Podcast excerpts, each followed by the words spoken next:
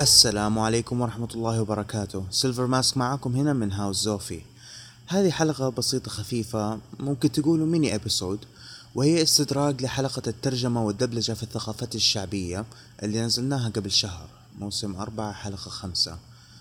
وهذا الاستدراك من واحد من أصدقاء ال house المستمعين لنا الأستاذ رعد الجابر. فاستمتعوا بالحلقة هذه الصغيرة. آه حطوا في بالكم هذه أصلا هي voice note فممكن تسمعوا شوية خربشات وحاولت أنظف لكم هي قد ما أقدر. نرجع لكم بعد الحلقة.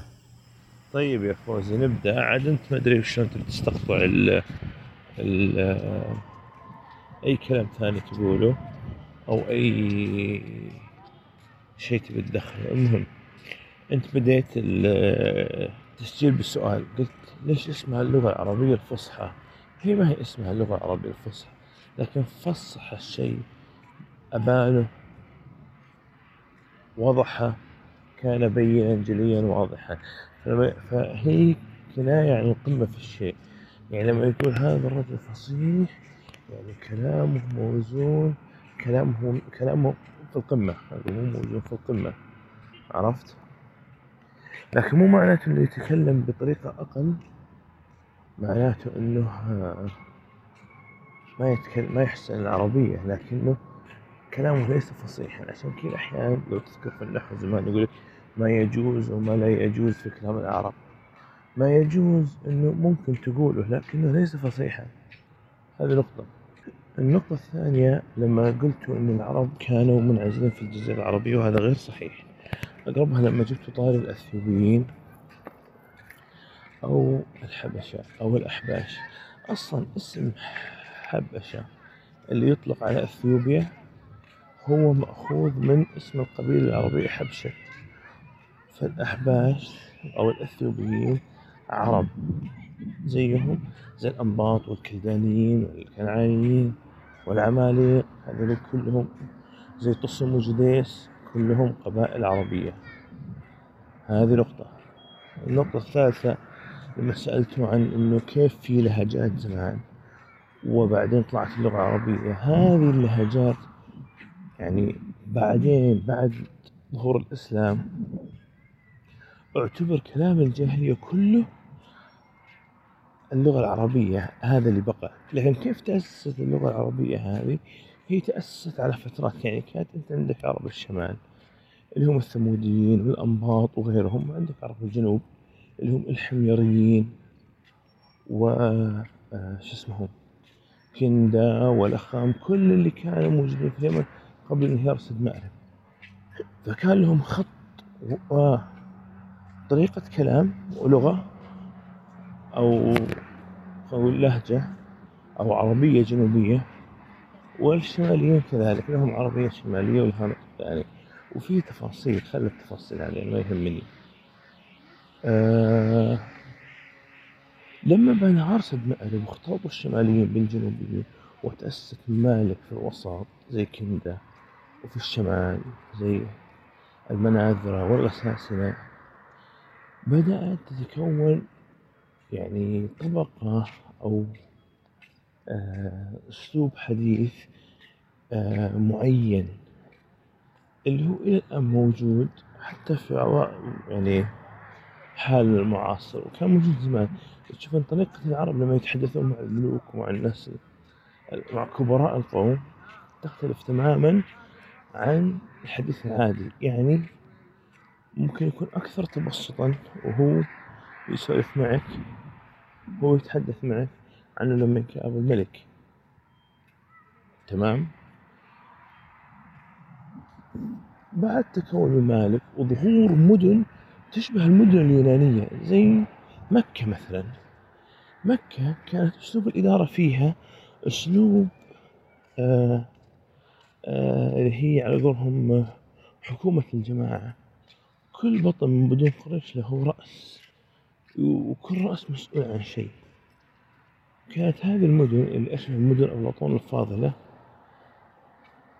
كونت لها أيضا طبقة ثقافية جديدة ساهم في تأصيلها الأسواق الأدبية زي سوق الخاض وغيره وبالتالي انعكس على اللغة. فصار غير طبعا الشعر ونبوغه وازدهاره لدرجة إنه كان القمة في الحديث فلما نزل القرآن نزل بالقمة.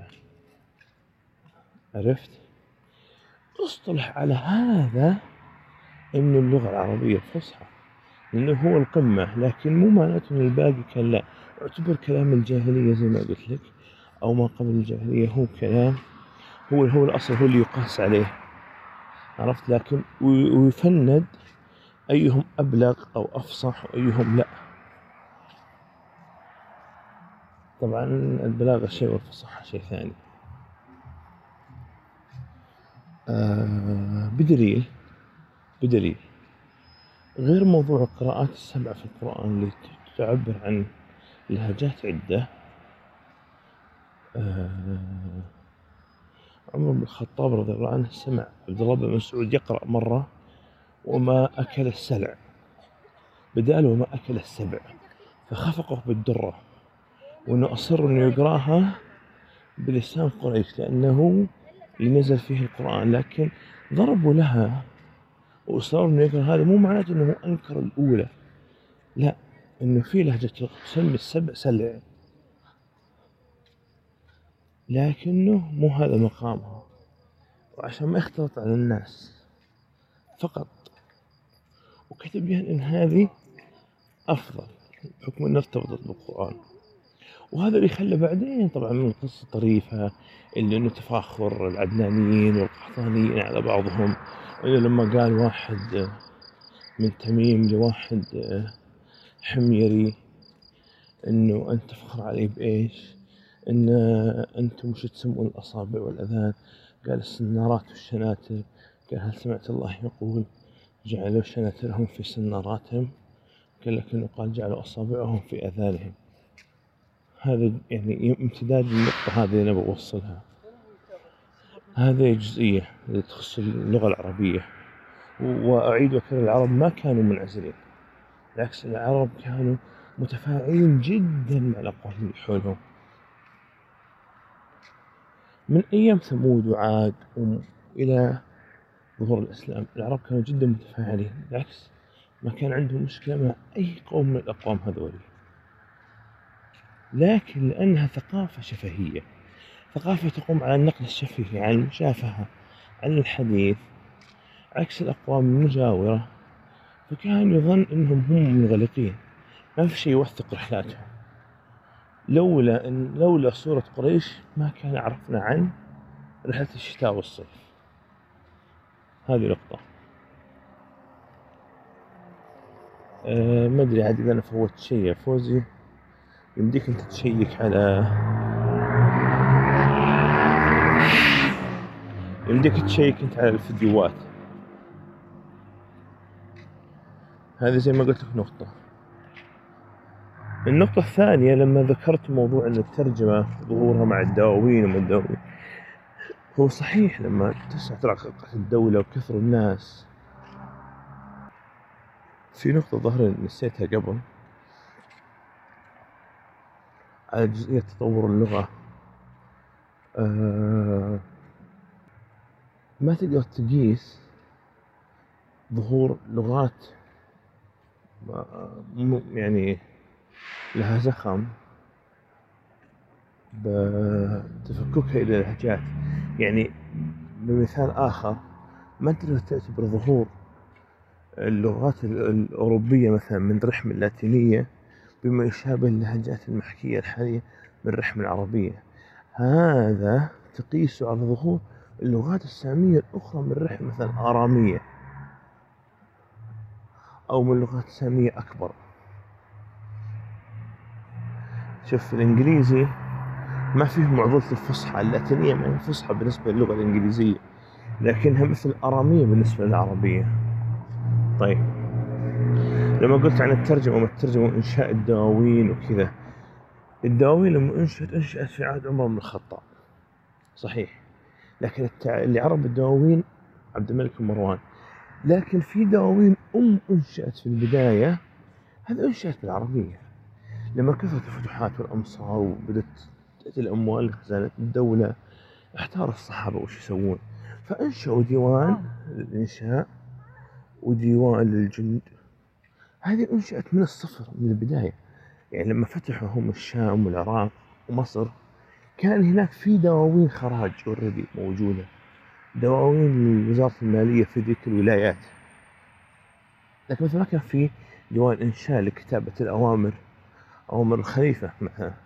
فالدواوين اللي أنشأت من الصفر بدأت بالعربية عرفت؟ بدأت بالعربية من البداية.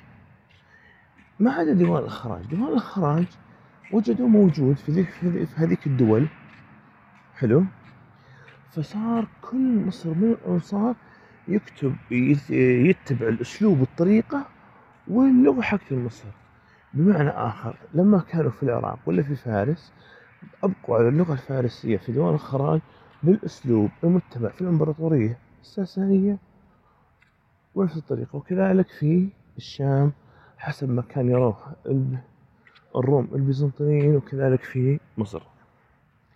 باللغة باللغة الرومانية لأن كانت هي الطبقة الحاكمة. ممتاز. حتى بعدين لما يعني جت الدولة الأموية في عهد معاوية بن سفيان آه، أنشأ ديوان البريد ولأنه مستحدث آه، برضو اعتبر أنه آه، بالعربية من البداية بدأ من الصفر لكن ظل وضع ديوان الخراج زي ما هو. من اللي تنبه للمعضلة هذه؟ كان عبد الملك مروان. صارت لما بدأت تتوسع الدولة الأموية أكبر وخصوصا مع ما يعرف يعني لو بصلح محلي إنه حرب أهلية إنه عنده المشكلة هذه فقام بتعريب الدواوين والعملة. زي قلت إحنا ما إحنا فاضيين يكون عندنا آه، مشاكل فوق المشاكل. كانت دولة منقسمة لها رأسين وضع كان عجيب وتوحدت في عهده. فهو عرب العملة صارت تسك محليا ووزع الدور السكة هذا وعرب كل الدواوين. لدرجة أنه قصر العمل على العرب فقط أو من يحسن العربية إحسانا يعني عاليا جدا. فهذا يعني بس توضيح النقطة لما قلت مين اللي بدأ ومين اللي ما بدأ ف آه، آه، التعريب دوامي من يعتبر لعبد الملك مروان لأن أي دوام بدأ من من الصفر آه، بدأ بالعربية. بالنسبة لعبد الله بن المقفع فنعم معلومتك صحيحة المسلمين في كل الأمصار اللي دخلوها لم يجبروا أحد على الاعتناق على اعتناق الإسلام قصرا. عرفت؟ لكن كانوا يدخلونه بالاقتناع ومن ضمنهم عبد الله بن المقفع طبعا عبد الله بن المقفع مخضرم مثل أبو حنيفة النعمان. كلهم ولدوا في الدولة الأموية وعاصروا الدولة الأموية والدولة العباسية. أكثر خلفاء عاصروهم كان من عهد هشام بن عبد الملك إلى أن توفيا في عهد آه، المنصور. وصحيح أن أكبر حركة ترجمة كانت في عهد المأمون عرفت؟ أو تقدر تعتبر أنه عهد المأمون هو عندما تبنت الدولة الترجمة. على قولتكم في البودكاست كانوا يترجمون كل شيء. فعليا كل شيء. لكن آه هو مش أول خليفة. لكن تقدر تعتبره أنه أثرى خليفة. أثرى هذا لأنه إذا أنت بتعتبر في العهد العباسي فقط نسل أموي أن البذرة كانت هناك في العهد العباسي بيت الحكم هو انشأت من قبل المأمون. لكن السر أنه المأمون تجاوز الزمن وظل راسخ في الذاكرة كخليفة واعي ومثقف. برغم أي مواضيع ثانية تخص المعتزلة أو خلق القرآن أو غيره إن المأمون كان حريص على طلب العلم ويقرب منه العلماء حتى في ظل آه، لجاجة وقوة وقمة خصومته مع أخيه المأمون الفتنة اللي صارت بينهم كان في رم في مرو صنع مكتبة تضاهي بيت الحكمة في بغداد. وجلب الوراقين والصناع والعلماء وهذا في مرو. إلى أن انتقل بعدين لبغداد وراح نقل هذه إلى هذه وزادت بيت الحكمة زيادة. ما يشبه المأمون أحد إلا واحد الحكم المستنصر في الأندلس. فهذه الإضافة اللي أنا ضفتها يوم قلت لك إنه إذا صدف إن الخليفة يكون مثقف تلقى الحركة العلمية عجيبة جدا. وشلون عجيبة جدا؟ ما الفارق. عبد الملك مروان كونه كان فقيه وعالم بالأنساب وعالم في اللغة هو في ذاته على قولة المصريين أمير في نفسه كده. فكان دائما مجلس يزخم بالشعراء وبالأدباء وبالعلماء ويرحب فيهم ويقدمهم وكان يجد الاستماع لهم وما يرد لهم طلب. فدائما إذا كان الشخص واعي تجد عنده هذه الأمور. طبعا أنت استغربت لما قلت على موضوع آه موضوع آه ترجمة كتاب الدراما لأفلاطون كتاب الشعر لأفلاطون هو صحيح أن هذه الترجمة وأنا اعتبرتها أنت أنها ترجمة بتصرف أو بالمعنى. لكن في نقطة.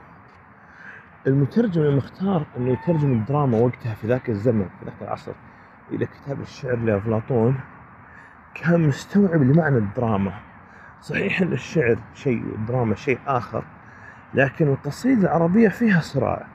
ممكن وقتها ما عندهم تصور يحررون فيه هذا المصطلح. إنه هذا الصراع اللي داخل القصيدة إيش نسميه؟ ما عندهم مصطلح معين. فاضطر في في ظل المصطلحات البسيطة القديمة إنه يقول الشعر. لأن عند الشعر يحتوي على دراما. لكن بعدين حتى زمان أحمد شوقي. صارت الدراما مأساة والكوميديا ملهات ومأساة وملهات فيها دلالة مسرحية واضحة.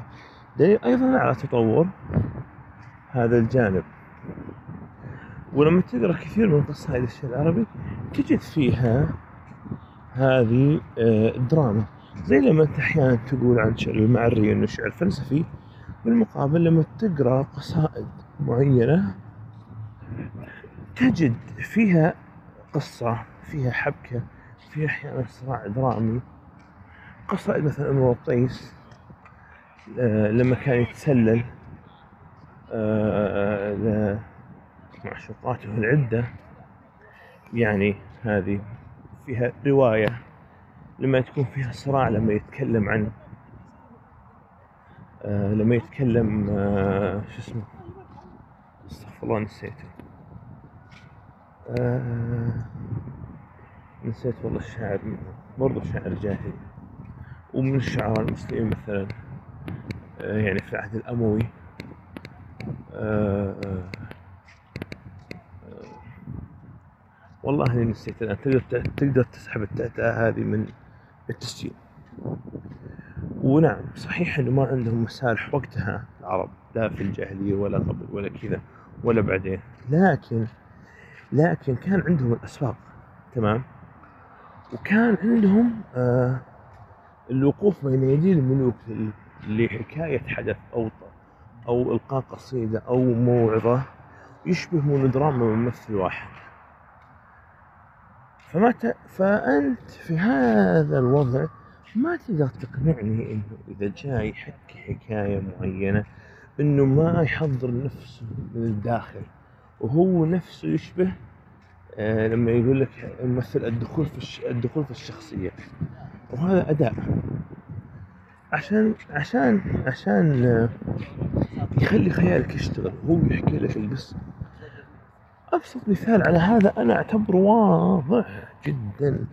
أعتبره يعني جلي في هذه النقطة. لما تقرأ آه صفة مقتل حمزة بن عبد المطلب رضي الله عنه آه على لسان وحشي نفسه. لما تقرأ كيف كان وحشي يصف الموضوع يعني مستحيل ما خيالك يتحرك. وتستشعر ليش الرسول صلى الله عليه قال آه إن استطعت أن تغيب وجهك عني يعني ممكن أنت لو كنت لو كنت يعني تسحب نفسك في سف بآلة زمن وترجع بالزمن وحضرت كشاهد غزوة أحد ممكن ترى وحشي زي فيلم الرسالة. أتى بين الناس وكذا وشاف حمزة وأخذ رمح ورماه.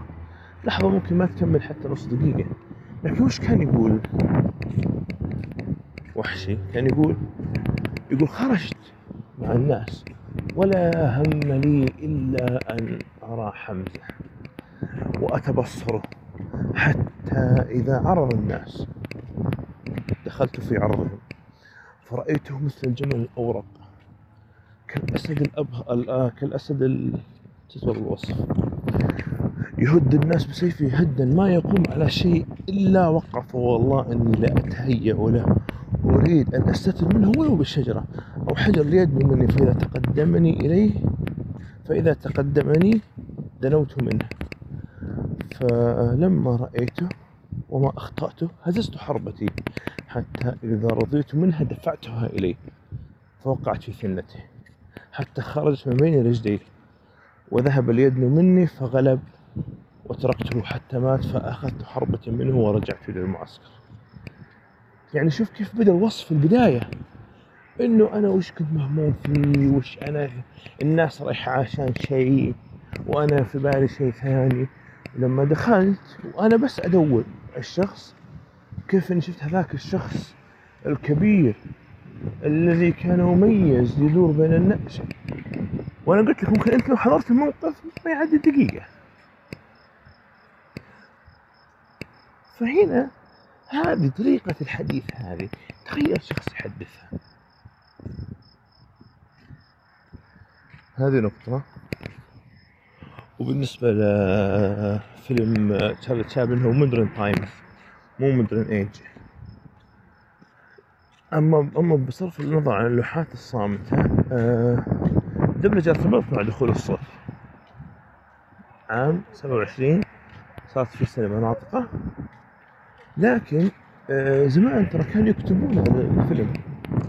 يكتبون كتاب على الفيلم آه، يعني تخيل معامل انيس عبيد من عام 39 ويترجم أما أول فيلم لديزني دبلج للعربية كان Snow White. صحيح إن الفيلم ظهر عام 37 ميلادي لكنه عام 75 دبلج وكان دمج بين الفصحى والعامية. كانت الشخصيات الشريرة تتكلم فصحى والشخصيات الحبوبة تتكلم بالمحكية المصرية. طبعا سبب اختيار المحكية المصرية في الأفلام في أفلام ديزني يتكلم إنها تعرض في السينما مو لأي شيء آخر. وهذا اللي من ما قلت أنت Lion King قلب المعادلة. هذا السبب. ليش في السينما؟ السينما الربح فوري وآني وعالي. بدليل إن نفس الممثلين اللي كانوا يشاركون ونفس أعمال ديزني اللي تتوجه للتلفزيون تدبلج بالفصحى الربح متى ما جاء والعمل مضمون وهي الشغله ما هي جايبة همها على قولتك. عكس هذه هو يقصدون إنهم يجيبون نجوم عشان يشدون الناس وبالتالي يزيد العائد. آه طبعا إذا إحنا بنتكلم عن حقبة الدبلاج العربي اللي كان فيها زخم نقول أبو سمح يعتبر رائد في الدبلجة في الوطن العربي. تذكر أنت يعني في التلفزيون النحو مكتوب نقل أبو سمح يقدم. طبعا كان أكثر شغله عن طريق تلفزيون لبنان أو شركة فيلمي وفي غيرها. في. أما هذه الحياة اللي سألته عنه كان توزيع بيسان فيلم. هو دبلجة أردنية مش لبنانية. لكني ناسي والله آه، أشهر أستوديوهين. كان عندهم الشرق الأدنى ونسيت الثاني. وكان في الأراضي المقدسة هذا استوديو قديم. وش اسمه؟ وراح في الباي باي. أما في الخ... أما المؤسسة اللي عجزتوا تطلقونها هي مؤسسة الإنتاج البرامج المشترك لدول الخليج العربية. ويختصر دائما مؤسسة الإنتاج البرامج المشترك. هذه اللي كانت آه، آه، تعمل آه، مقرها في الكويت ودبلجت كل أعمال دبلاج الخليج. طبعا هي طبعا وقتها العراق كان عنده عضوية جزئية تشبه عضوية الأردن واليمن في مرحلة معينة لما دخلوا معنا كأس الخليج وكذا. آه فكانوا ممثلين معظمهم كويتيين وعراقيين وكان يتم الدبلاج في مؤسسة بغداد للسينما وكذلك في آه آه، تلفزيون الكويت. وبعدين طبعا صار أكثر مع الكويت. أما البوكيمون هو دبلجة الزهرة أكيد. غنت الأغنية حقته آه، ديما ديما أورشو اللي غنت مقدمة مسلسل بقرة وبعدين في الموسم الثاني غنتها رشا رزق وطبعا بحكم الإشاعة اللي طلعت ذيك الأيام بوكيمون يهودي وما يهودي وما أدري وش والخراط الفاضي هذا. آه، أخذت شركة سوبر إم اللبنانية ودبلج. تكمل في لبنان. المفروض اللي دبلجوا فيه كانوا جهاد الأطرش كراوي كان. أما موضوع أنشارتد الثالث فسعيد بدري المفروض إنه يمني. وجابوا يتكلم مصري. أنا أذكر كان في مقابلة لجاك شان. كان يقول أحيانا يجيبوني ويجيبون ممثلين صينيين يقول تكلموا ياباني. ونقول لهم إحنا ما نعرف ياباني يقول لا عادي تشنك تشنك تشنك. ويلا شخصية يابانية. إنه هذا فكرة إنه أسلق الشيء استسهال المهم إنه يمشي كذا. أما على الاسماء العربية بالنسبة لعدنان ولينا ترى اسم الرسمي مغامرات عدنان. اشتهر إنه بعدنان ولينا؟ طبعا هم اختاروا أسماء بما يوازي يعني كونان عدنان واحيانا يكون على الحرف الأول. أسماء سوبرمان العربية مثل ما قلت صح؟ باتمان سمي بالرجل الوطواط عرفت؟ وسمي في لبنان وطواط واسم بروسوين العربي صبحي. لكن في الترجمة العربية سمي خفاش. كذا خفاش. باتمان اتكلم مش بروسوين وليش سمي خفاش؟ لأن أصلا خفاش من اسم الوطواط وإنه بدال ما يكون أنا الرجل الوطواط يعني باتمان ليش أحط كلمتين أو مقطعين وتبان أنها ترجمة حرفية أعطيك بديل عربي مرة واحدة. خفاش. طبعا ذيك الفترة بغض النظر أنت عن تقييمك الآن إلى أني أنا أسمي آه، نبيل فوزي اللي هو سوبرمان بغض النظر عن تقييمك لهذا ذيك الفترة كانت فترة زاخرة وزخم للقومية العربية. السبعينات والثمانينات والستينات والخمسينات صحيح أنه ممكن أتتنا بعجائب الدهر سياسيا لكنها ثقافيا كانت آية من آيات الزمان. كان الناس عندها شغف أنها بالدافع القومي هذا أنها تنشر الثقافة فتبحث عن أي شيء لتجد له مقابل عربي خلينا نقول أو أني أنا أبين أنه أنا غني عن هذا كله. أصلا كان في ترجمات كثيرة إلى الان موجوده مذياع للراديو حاسب آلي للكمبيوتر وقيس عليها.